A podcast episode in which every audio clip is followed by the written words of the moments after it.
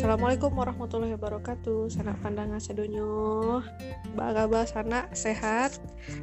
Apa kini cuaca sinantu hujan dingin kok.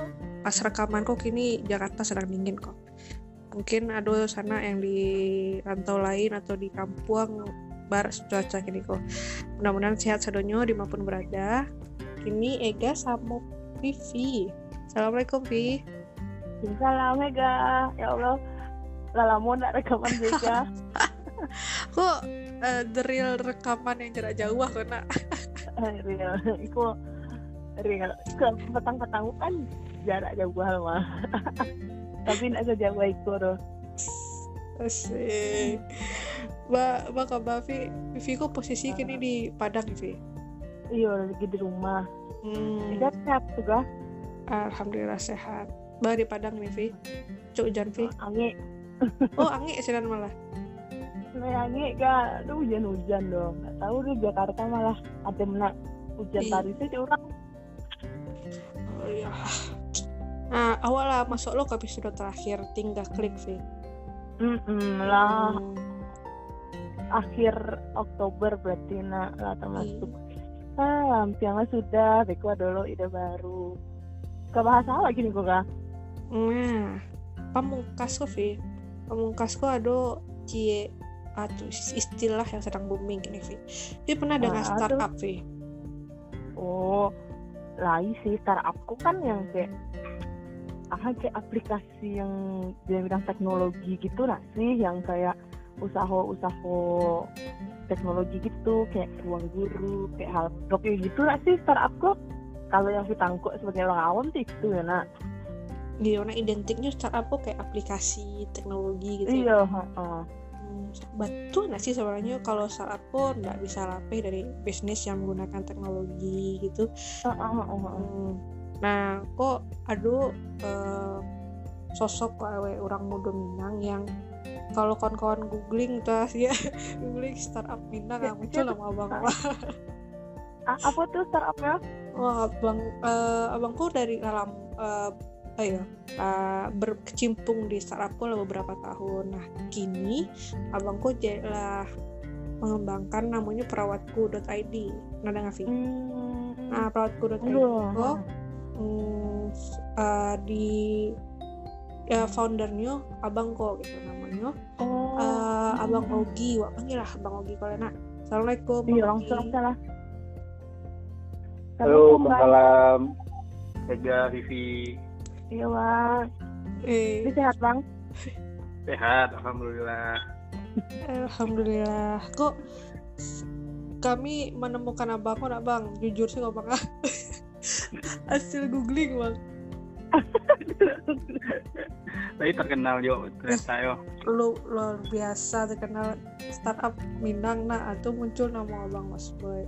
Aduh, kayaknya orang perawat kurut ID lah dari artikel yang nggak baca tuh lu masih apa? Startup startup di Minang gitu nah. mantap. Hmm. jadi Saya makasih tepuk banyak bang Ogi lah. Uh, meluangkan waktu lah buat cerita untuk kawan-kawan pandangan di darah Siap- mungkin bang perkenalan diri boleh bang untuk kawan-kawan asal dari mana dan aktivitas kini aku Oke, siap. Oke, jadi eh, salam kenal sadonyo. Eh, nama wa Ogi, Ogi Andika, tapi cukup panggil Ogi aja. Eh, eh, kebetulan awak emang alah hmm, alah berapa tahun ya. Sebenarnya kalau dirunut atau mendefinisikan eh, arti startup adalah bisnis teknologi. Sebenarnya mulai bisnis teknologi itu lah dari SMA sih. Jadi waktu SMA tuh lah mulai lah mulai freelance eh, dengan menggunakan internet lah. Pokoknya menghasilkan uang dari internet lah gitu ya. Abangku pernah bu Hmm. itu nak bang yang aplikasi angkot apa ya di Padang ini sih iyo eh, nah itu itu bisa dibilang eh, produk startup pertama lah karena lahir dari hackathon kan waktu itu. Iya. jadi eh, apa namanya itu eh, eh, hackathon waktu itu nggak pernah diaduan di Sumatera apa apa di Padang gitu khususnya. Terus eh, akhirnya waktu itu ada inisiatif dari eh, Valdo dari Pulang Kampung buat eh, hackathon gitu kan. Terus kami ikut lah dengan eh, apa eh, ide namanya waktu itu kiri bank jadi uh, kami membantu uh, apa ya membantu para angkoters gitu kan untuk bisa tahu uh, angkot ma yang akan nyo pilih. Kalau misalnya bukan pengguna angkot atau ataupun nyo daily pengguna angkot tapi nyo nggak tahu transitnya angkotku atau ngetemnya angkotku di mana gitu kan. Nah jadi uh, itu waktu itu pain pointnya tuh.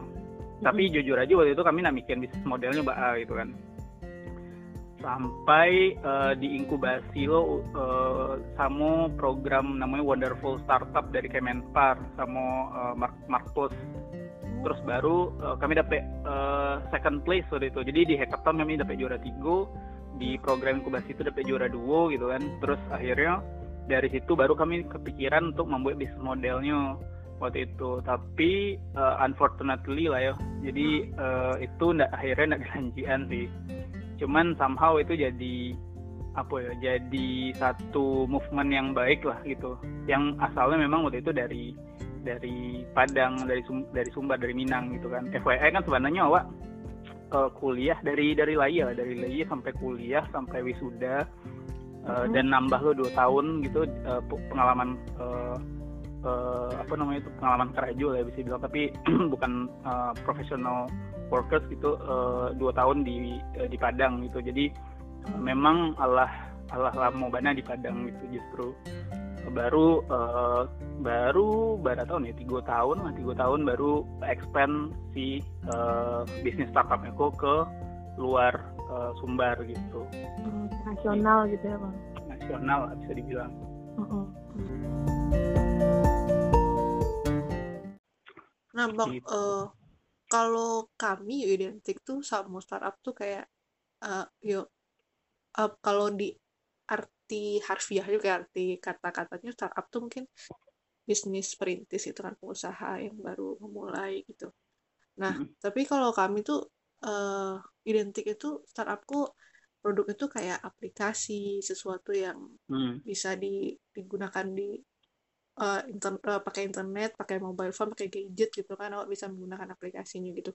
Sebenarnya batu nasi startup tuh harus identik sama produknya yang kayak aplikasi gitu hmm. mungkin boleh sharing lo nak bang abang kini sebagai yang CEO perawat ID gitu bahas sih hmm. uh, startup yang abang jalani kini tuh gitu. Hmm oke. Okay. Jadi uh, mungkin kalau tarik mundur uh, balik kan uh, pas tadi obah soal Kiribang, Kiribang itu waktu itu justru awal-awalnya memang kami buat web uh, web app ya. Jadi kami buat websitenya karena waktu itu kan uh, karena hackathon, hackathon which is outputnya adalah produk tech gitu kan, produk IT. Jadi akhirnya harus ada melahirkan produk IT di dua hari, eh iya dua hari lah kurang lebih. Kami uh, nggak lalu ngedevelop itu kan, karena prinsipnya kan hackathon itu 48 jam mengcreate sesuatu dari nol sampai menjadi menjadi satu produk gitu. Yeah. Nah terus uh, tapi waktu itu setelah diinkubasi dan kami waktu itu uh, akhirnya uh, tidak punya uh, teknologi tech guy gitu kan si CTO-nya gitu kan akhirnya kami mencoba untuk explore kira-kira apa nih yang bisa kita uh, apa namanya uh, buat uh, tapi uh, non uh, apa non code lah tidak terlalu ngoding gitu kan akhirnya uh, kami punya inisiatif untuk uh, apa ya uh, bergaining offering ke uh, Telkomsel gitu. Atau atau bisa dibilang telco providers lah gitu.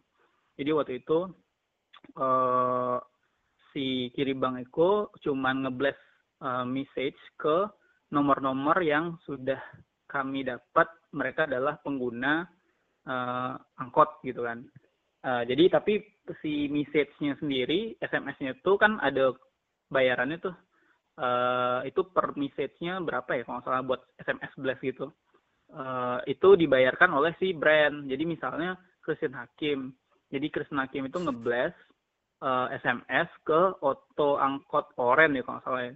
Jadi atau angkot oren itu di blast tuh sama yang naik atau angkot oren tuh gitu. Jadi ngetracknya dari nomor-nomor yang arah rumahnya daerah situ itu kita blast gitu. Hmm. Tapi biaya budget iklannya dari si Christian Hakim buat ngeblast itu. Jadi itu sebenarnya bukan teknologi anyway kan. Jadi kan cuman mikirin flow dari uh, apa ya dari uh, usersnya gitu kan dari dari uh, consumers kita gitu kan. Nah, terus yang terakhir pun sekarang oh, mungkin sebelum itu transisi kami bikin uh, edutech kan, bikin platform pembelajaran untuk perawat itu juga waktu itu sama sekali belum pakai uh, teknologi yang yang gimana gimana gitu kan. Kami cuman kayak bikin uh, apa namanya soal, paket soal terus itu di di apa di blast lah ke calon-calon uh, perawat yang akan mengikuti ujian kompetensi gitu kan. Kami bikin tryoutnya. Nah sampai di perawatku pun waktu awal-awal jalan tuh kami belum pakai teknologi gitu. Jadi kami kami kan hmm, kami tuh perusahaan uh, headhunter sebenarnya jadi kami bilangnya kami health, health hunting company kami hmm. perusahaan penyalur uh, penyalur tenaga kesehatan specifically di perawat gitu kan uh, tapi uh, pendekatan awalnya kami uh, penggunaan teknologi pun tidak yang gimana banget gitu. Kami pakai uh, apa namanya uh, Google Form gitu, kami pakai Google uh, apa produk gitu kan untuk untuk uh, mendevelop si register apa namanya register aplikannya untuk job platformnya.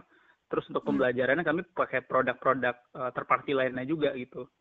Uh, sam sampai kami akhirnya develop sendiri gitu kan. Jadi pada dasarnya apakah itu uh, tech tech itu ya jadi tools saja sih sebenarnya karena pada dasarnya uh, apa bisnis sekarang kan tidak tidak apa tidak jauh dari teknologi lah karena uh, apa manusia sekarang juga menghabiskan waktu lebih banyak di internet gitu kan. Jadi itu cuman kayak shifting shifting dari yang selama ini dilakukan secara offline ke online aja gitu. Sebenarnya sektor yang abang ambil itu jasa gitu nak bang, maksudnya kayak waktu itu bisnisnya penyedia jasa perawat gitu ya. Cuma ya memanfaatkan si teknologiku untuk uh, mulai dari pendaftarannya mulai dari mencari marketnya gitu kali ya bang. Mm -hmm. Jadi kurang lebih yang kami lakukan tuh sebenarnya kalau di konvensional bisnisnya kayak bisnis penyalur. Mm -hmm. cuman karena memang kami uh, as a startup company kami punya kami akan pasti berikan value kan ke customer. Akhirnya yo kami uh, apa yo kami uh, kasih pembelajaran juga ke perawatnya gitu. Dalam arti kami punya modul-modul uh, di mana modul-modul itu yang dipakai untuk kayak semacam menstandarisasi lah untuk perawat ini dikasih ke klien-klien kami gitu which is kalau klien kami adalah telemedicine company kayak Halodoc, Klik Dokter gitu itu terus uh, Vaskes kayak klinik uh, apa hospital sih belum ya. Tapi uh, pastinya kami akan ngarah sana juga. Terus ada hmm. perusahaan juga gitu. Jadi kami mulai kalau apalagi sekarang kan during covid kami official partner dari Kemenkes dan BNPB untuk solving covid ini. Mantap. kami bantu kami bantu uh, apa namanya uh, our government lah untuk solve covid uh, lebih cepat gitu dengan uh, memberdayakan resource-resource perawat yang jadi mitra kita untuk melakukan tracing. Mantap. Tapi pikir ya Bang Kona uh, jasa tapi tidak cuma menyalurkan saya tapi lebih ke assessment terus mengasih uh, terstandar lo berarti paket komplit nak bang startup perawatku kok kalau sih dalam gambaran sih bang ah. hmm. Mm -mm. bang jadi ya, uh, apa bang jadi jadi gitu sih sebenarnya memang mm, dari kami sendiri uh, karena memang target marketnya agak beda ya. Jadi kami mm. tidak bisa terlalu mengedukit uh, non uh, non apa ya non tenaga medis atau di luar itu yang skupnya lebih jauh untuk mengerti apa yang kami lakukan gitu. Mm. Karena memang basically target kami memang bukan ke langsung direct ke end customer. Karena kan beda ya kalau kita memprovide uh, tenaga jasa lain kayak misalnya tukang bersih-bersih terus yeah. misalnya atau uh, layanan service lain kayak hmm. Gojek hmm. gitu misalnya atau Grab mereka bisa provide layanan on demand service mereka dari freelance direct ke customers gitu. Yeah. Kalau hmm. tenaga kesehatan tuh nggak boleh, jadi mereka harus pakai vaskes atau fasilitas hmm. kesehatan atau jadi misalnya perawat yang jalan itu harus dari klinik. Atau dari uh, apa namanya dari vaskes lah, apa itu praktek mandiri, klinik atau uh, rumah sakit gitu. Jadi kami um, jadi lebih berpartner ke rumah sakit, klinik atau praktek mandirinya ataupun telemedicine gitu. Jadi hmm. uh, kami memprovide-nya jadi B2B2C bisnis modelnya gitu sih. Oh, B2B bu eh B2B jadinya dong, Bang. Eh B2B tapi uh, eh, 2B yang terakhirnya ngejual lagi ke customer gitu. Jadi B2B2C. agak panjang Oh, gitu. ternyata kalau Ega tuh bayangnya tadi perawat yang perorangan loh Bang, yang kayak yang Iya, yang gitu. bisa on call gitu kirain bang awalnya. Eh, awalnya iyo, tapi regulasi di Indonesia itu tidak memperbolehkan kalau Oh. tenaga medis klinis itu di profit langsung eh, Oh, ke karena uh, uh, uh, Mm, ngerti. karena marketnya adalah pasien kan pasien which is eh, bukan oh, apa ya maksudnya lebih ditangani harus profesional gitu Iya, harus di bawah lembaga resmi Kemenkes gitu kali ya? Eh, iya harus faskes fasilitas kesehatan Ah, klinik iya rumah sih, sakit gitu gitu. kayaknya ya bang. Mm-mm. Hmm. Nah bang, kalau Gitu. startup kok identik sama apa ya startup awal kali ya? Identik Hmm. sama investor gitu nak sih bang? Betul nggak sih bang kalau tidak ada dari entah kawan yang baru merintis atau yang sama sebelumnya tuh kayak ya startup tuh neo new grow up harus cari investor gitu. Bisa modal secukupnya saya gitu bang. Kalau Hmm. bangun startup zaman kini gitu. Mhm. Kalau kalau dulu kami sih sebenarnya waktu awal-awal tuh belum banyak investor yang apa ya yang mungkin tereducate lah untuk mau invest ke startup gitu. Eh, dan juga tapi waktu itu eh, apa eh, apa ya zamannya lagi rising lah. Jadi eh, ban- lumayan banyak program-program eh, inkubasi atau edukasi. Cuman eh, yang investor eh, perseorangan ataupun program kayak grant gitu, grant atau hibah gitu lah ya. Itu belum Hmm. belum belum banyak lah gitu. Tapi eh, makin ke sini sebenarnya yang kayak gitu-gitu lumayan banyak. Tapi kalau based on pengalaman kami mulai, kami waktu itu emang mulai dari bootstrap. Bootstrap tuh eh, pakai istilah pakai uang kantong sendiri lah, memang tanpa pendanaan, tanpa eh, apa namanya tuh, tanpa dana dari grant atau atau apa pun itu lah. Jadi emang murni eh, patungan kayak gitu. Nah terus tapi semakin kami jalan, eh, terus kami pasti bertumbuh gitu kan. Terus kami juga dapat beberapa coverage, coverage media gitu, coverage dari program-program yang kami ikuti, inkubasi, akselerasi. Akhirnya kami mulai mungkin dilirik lah sama beberapa eh, investor gitu. Awalnya waktu itu masih angel, angel, angel round gitu ya. Maksudnya orang yang eh, tertarik dan Hmm. pengen eh, jalanin eh, dengan kami gitu bareng-bareng. Nah, cuman makin ke sini akhirnya eh, ada eh, akhirnya perusahaan yang akhirnya masuk gitu. Jadi eh, apa eh, kalau pendanaan itu kan sebenarnya teridentify dari eh, apa dari beberapa eh, model lah gitu. Ada yang angel, angel tuh pribadi, ada yang corporate venture itu perusahaan, ada Hmm, venture capital itu eh, apa ya pool of fund gitu atau eh, apa namanya tuh sih? iya orang yang ngumpulin uang orang uang uang orang lain untuk disalurkan Mm-mm. jadi kayak kayak private equity tapi versi versi lebih besarnya lah kayak gitu skupnya terus ada yang terakhir tuh dari grant gitu grant atau hibah nah mungkin ke sini sebenarnya program-program yang grant dan hibah tuh lebih banyak. Jadi sebenarnya kalau bicara investor yang tigo tadi yang dimention harusnya sih nggak harus ke sana juga. Bahkan ada beberapa startup yang cuman eh, ikut dari grant-grant dia dapat kayak misalnya 10.000 USD 50.000 USD itu udah Mhm. cukup untuk mendanai startupnya gitu. Jadi nggak perlu nggak perlu ada campur tangan dari investor lain kayak Investor, gitu. ya. Gitu sih. Oh, jadi sebenarnya ya semuanya mungkin startup siapa sih? Saya usaha nak butuh dana tapi cari investor tuh bukan satu-satunya jalan nak nak sih bang kalau buat usaha apalagi startup. Ya banyak loh yang berarti ya dari hibah atau bahkan nak menutup kemungkinan dari abang surang kan kayak dana ya dana pribadi dulu gitu. Mm, mm, mm, mm. ya eh jalannya kira ya Mm-mm. Iya, jadi jadi banyak cara lah untuk bikin startup gitu. Kalau nunggu investor dulu kan, maksudnya eh, Iya. ndak jalan-jalan. mm, gitu. Iya, bilo lah ketibo, bilo ketibo. Oh, mbak saya sia-sia dong, misalnya salun nih kan bang. Iya, iya. Bilo ketibo. Oh, tapi gerak dulu nak bang. Mm-mm. Iya.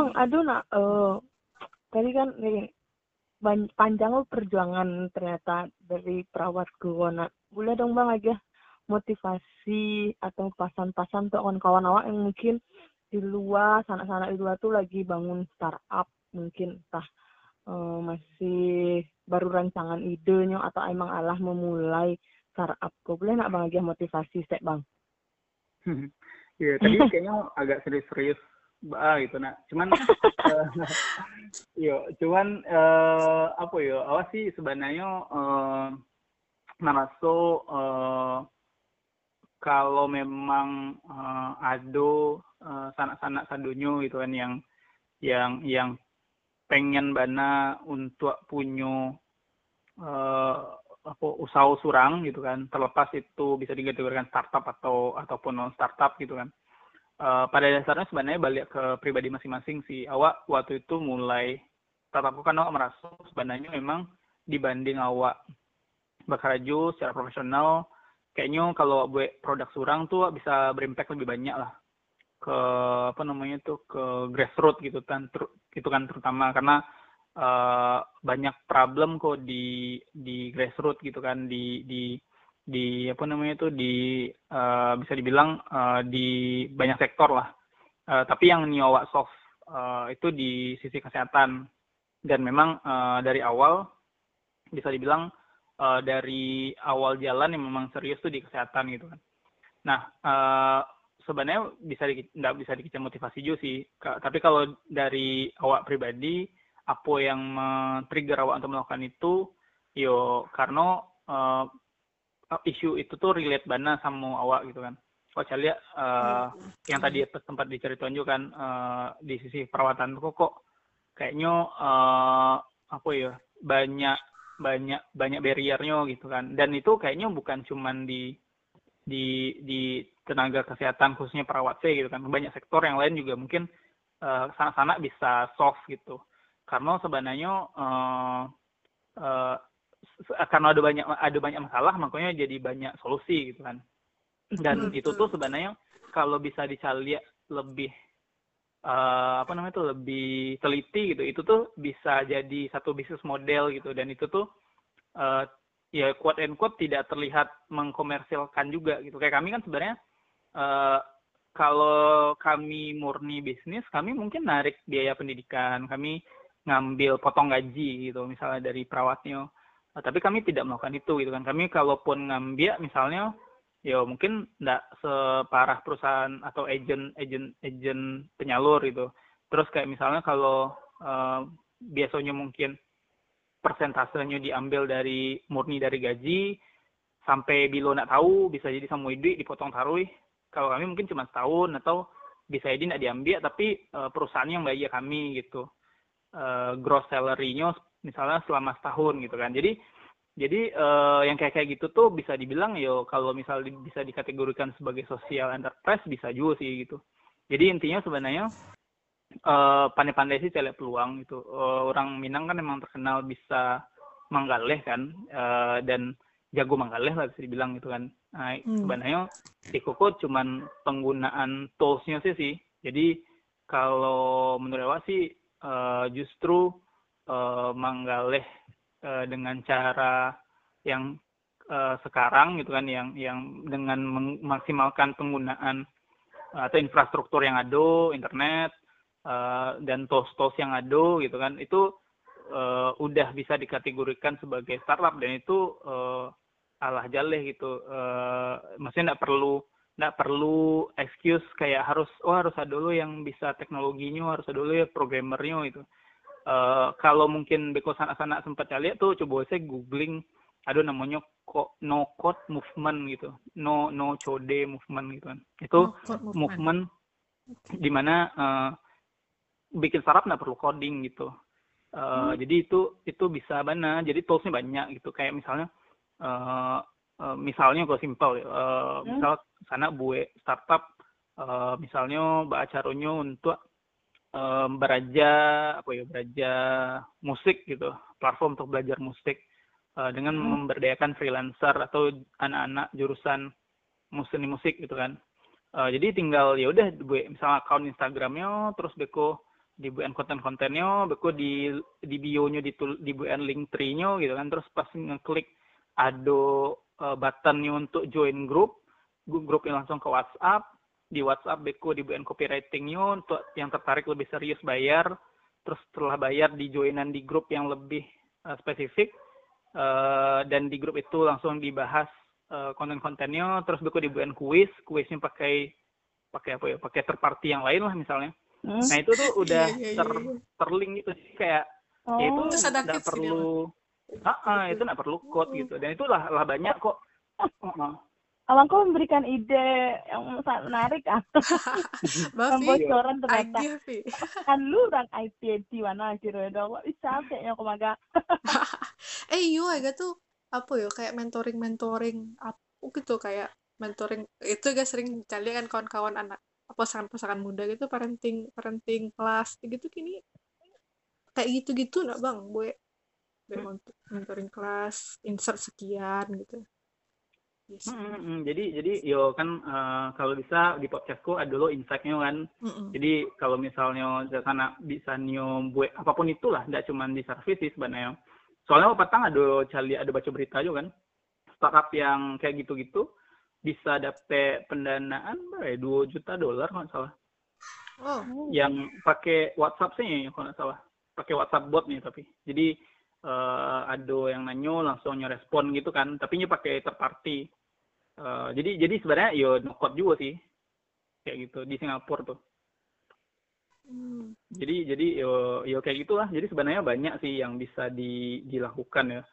Uh, hmm. apalagi kayak kini kan sebenarnya uh, harus harus apa ya harus pandai-pandai lah cari cari apa peluang gitu kan. Apalagi situasinya kini juga mungkin uh, apa dari sisi apa bisnis pun pengen yang efisien gitu-gitu kan. Nah, jadi harus pandai-pandai. Mana kok awak mencari situasinya dan memanfaatkan situasinya secara maksimal itu berarti sebenarnya hmm. bias mau mulai saat kok bisa susah dulu orang lah bang gitu. Maksudnya nggak perlu dulu mikir jauh-jauh tentang teknologinya tentang PT-nya dari mana gitu. Sebenarnya uh, modal awal yang paling penting untuk mulai startup kok sih bang? Gitu yang Hmm. Pentingnya gitu. Uh, kalau kami sih uh, kebetulan uh, waktu itu memang uh, ka, uh, beberapa apa ya beberapa case yang kami solve uh, itu relate banget sama kehidupan kami sehari-hari gitu kan. Kayak tadi di angkot tuh kebetulan salah satu co-foundernya itu memang pengguna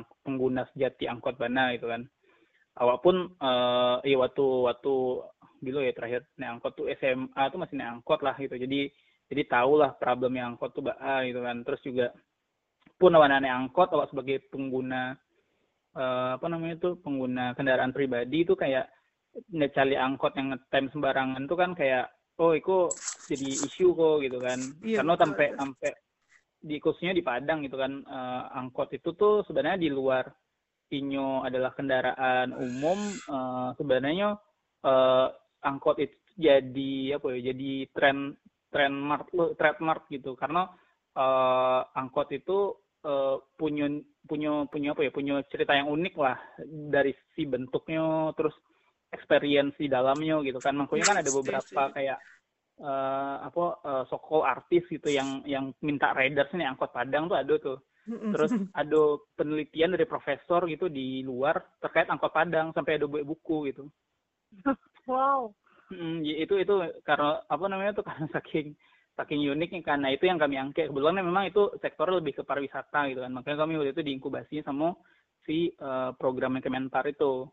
Jadi emang itu relate banget kan sama kehidupan uh, apa namanya itu kehidupan kami gitu. Jadi itu asal dari pain point uh, yang uh, kami uh, rasakan gitu. Nah balik ke yang apa tadi terkait uh, apa namanya itu uh, yang kami jalani sekarang pun yang di uh, kesehatan itu uh, sama juga. Jadi problemnya waktu itu uh, kalau pribadi wah Calia kan waktu uh, sedang merawat lagi laki-laki gitu kan uh, waktu itu kayaknya kok perawatku terlalu apa ya uh, beban kerjanya bare gitu kan di rumah sakit. Terus uh, setelah ngobrol-ngobrol-ngobrol oh kok ternyata secara apa secara kesejahteraan gitu kan uh, ndak lu terlalu dapet mana kan. Maksudnya kalau kayak secara salary masih kayak uh, kadang ada yang UMR bagai gitu kan. Jadi kayaknya Ikoko jadi satu jadi satu apa namanya itu problem gitu yang uh, yang awak cari gitu kan. Terus kebetulan ada partner uh, co-founder bukan perawat lo backgroundnya terus Nyo memang mengiyakan itu dan meng-share beberapa problem lain di luar itu. Akhirnya ya udahlah ini kayak kok kayaknya jadi satu uh, apa namanya jadi satu isu sendiri gitu. Alah berapa tahun berarti gak bang perawatku gak bang? Uh, itu kalau dari tahun awal yang pivot itu kayak udah tiga tahun. Cuman kalau dihitung dari yang uh, operasionalnya di Jakarta itu baru dua tahun setengah lah. Hmm aku kendala paling mungkin paling besar lah di pembangunan startup perawat uang atau startup startup awal gitu. Hmm, challenge-nya sebenarnya uh, waktu di awal-awal itu menemukan tim yang pas sih. Jadi oh, bisa dibilang iya. tim kami itu di awal-awal tuh turnover cukup cukup tinggi lah ya. Jadi keluar masuk. Mm -hmm. Terus uh, apa namanya tuh kami pun merasa uh, produk yang waktu itu kami coba jalankan itu masih belum uh, belum apa ya belum sesuai lah dengan apa yang uh, kami uh, coba cita-citakan gitu kan terus juga mm-hmm. secara uh, apa namanya secara uh, flow SOP gitu juga belum ada gitu kan dia kan sebenarnya uh, yang kita bisa apa ya bisa tawarkan ke tim yang jadi core tim kita kan sebenarnya bukan cuman uh, salary bukan cuman mungkin karena karena ini adalah startup awal yang kita bikin kita bisa menawarkan ESOP juga kayak employee stock option semacam kayak share yang kita kasih ke karyawan karyawan pertama yang join. Tapi lebih ke mereka juga merasa nyaman lah join dengan perusahaan karena perusahaan ini uh, punya prosedur yang jelas terus juga misalnya punya apa namanya visi misi atau uh, apa namanya people and culture-nya gitu kan. Tapi kan memang untuk perusahaan startup awal dan uh, foundersnya bisa dibilang uh, apa ya belum punya pengalaman kerja yang sampai puluhan tahun gitu kan. Kayak mungkin profesional yang udah lama join di perusahaan uh, lada pe bananya setelah di perusahaan tuh sampai company baru gitu kan. Nah itu kan masih jadi challenge gitu. Maka kami banyak belajar juga uh, dan punya banyak mentor lah yang bisa bantu di sisi itu itu jadi uh, kalau ditanya problem yang paling sulit paling sulit itu uh, justru menurut kami uh, apa ya uh, di sisi alhamdulillahnya sih di sisi funding atau pembiayaan kami merasanya tidak terlalu inilah tidak terlalu uh, jadi isu lah gitu. Karena uh, rasanya lah kita bantu saya taruh tio kami uh, apa namanya tuh uh, fundraising atau misalnya kami uh, secara produk kan kami lah menjual produk ya dan udah bisa menghidupi operasional juga gitu kan. Jadi uh, itu malah justru nggak jadi barrier. Jadi barriernya yang pertama itu. Terus juga yang kedua nge-manage uh, mitra kan. Jadi kan mitra itu jadi salah satu challenge juga kan di di di company gitu di karena mitra itulah yang jadi ujung tombaknya perusahaan kan. Jadi apa pun yang dilakukan mitra tuh harus itu yang mencerminkan perusahaan gitu. Jadi ngelit mitra itu juga mesti mesti lebih paham lah. Kita juga jadi part of mitra tersebut gitu. Jadi kita bisa melihat perspektif uh, bagaimana mereka melihat uh, apa namanya uh, customersnya gitu kan. Jadi hal-hal itu yang kami coba pelajari selama ini dan ya alhamdulillah kami bergerak ke arah yang lebih baik. Gitu hmm. kalau Ega mencatat tadi bang ada dua poin kok yang yang penting mana yang para lu mana awak, awak pratik yang jadi titik awal gitu. Yang pertama tuh hal yang membuat yang relate sama awak dan menarik hmm. empati mungkin menarik simpati awak tentang isu itu gitu kan jadi concern jadi perhatian awak dan yang kedua nih membuat solusi atas masalah itu gitu. Saya saya salut banget sih sama mindset kawan-kawan yang anak-anak muda yang bergerak di bidang startup kok bang? Serius deh. Jadi kayak karena itu bergerak dari sebuah masalah gitu loh bang. Nggak sekedar mikirin bisnis atau nggak sekedar jadi bisnis tuh ya pasti ada lah pasti ada tapi ya tapi gerak awalnya itu dari hal-hal yang yang jadi concernnya awalnya gitu. Dan menurut saya itu sih yang lebih jadi uh, core dari sebuah startup zaman kini gitu loh. Mantap sih bang. Salofi nak dapat poinnya tadi intinya pandai cari peluang sama startup kebermanfaatan untuk orang banyak sih betul betul Iya, jadi mungkin untuk sanak-sanak yang lagi merintis, yang baru idenya baru terlintas, tadilah jajan deh Bang Ogi mah. Cara buat startup, startup tanpa coding. Tah terlintas ide-ide kan, udah langsung gerak nak Bang. Gak usah nunggu-nunggu, gak usah nunggu investor. Terus itu nggak jadi-jadi wak gerak tuh sana. Iya. Nah, gak. Tah dalam mudoko punya punya lo bisa startup naga. asik Siapa tahu. Iya, iya. Makasih banyak Bang Ya. Ogi lah meluangkan waktu untuk cerita ke kami lewat dari mundo sangat menginspirasi sangat membuka pangana lah mudah-mudahan Ya, banyak lebih banyak anak muda yang mengikuti jalan Bang Ogi kok gitu kan membuat startup yang akhirnya membawa banyak manfaat untuk masyarakat gitu Amin. Makasih ya bang Bang. waktunya. Alamang gaduh lo kami ya. Lumayan banyak waktu abangnya dia di tengah kesibukan perawatku. ya, ya. Sama-sama Iga, Vivi. Oke bang, makasih banyak sana pendengar telah mendengar episode membangun startup bersama uh, Bang Ogi. Uh, sampai jumpa di edisi selanjutnya bulan baru artinya edisi baru, oke? Assalamualaikum warahmatullahi wabarakatuh. Waalaikumsalam. Makasih bang.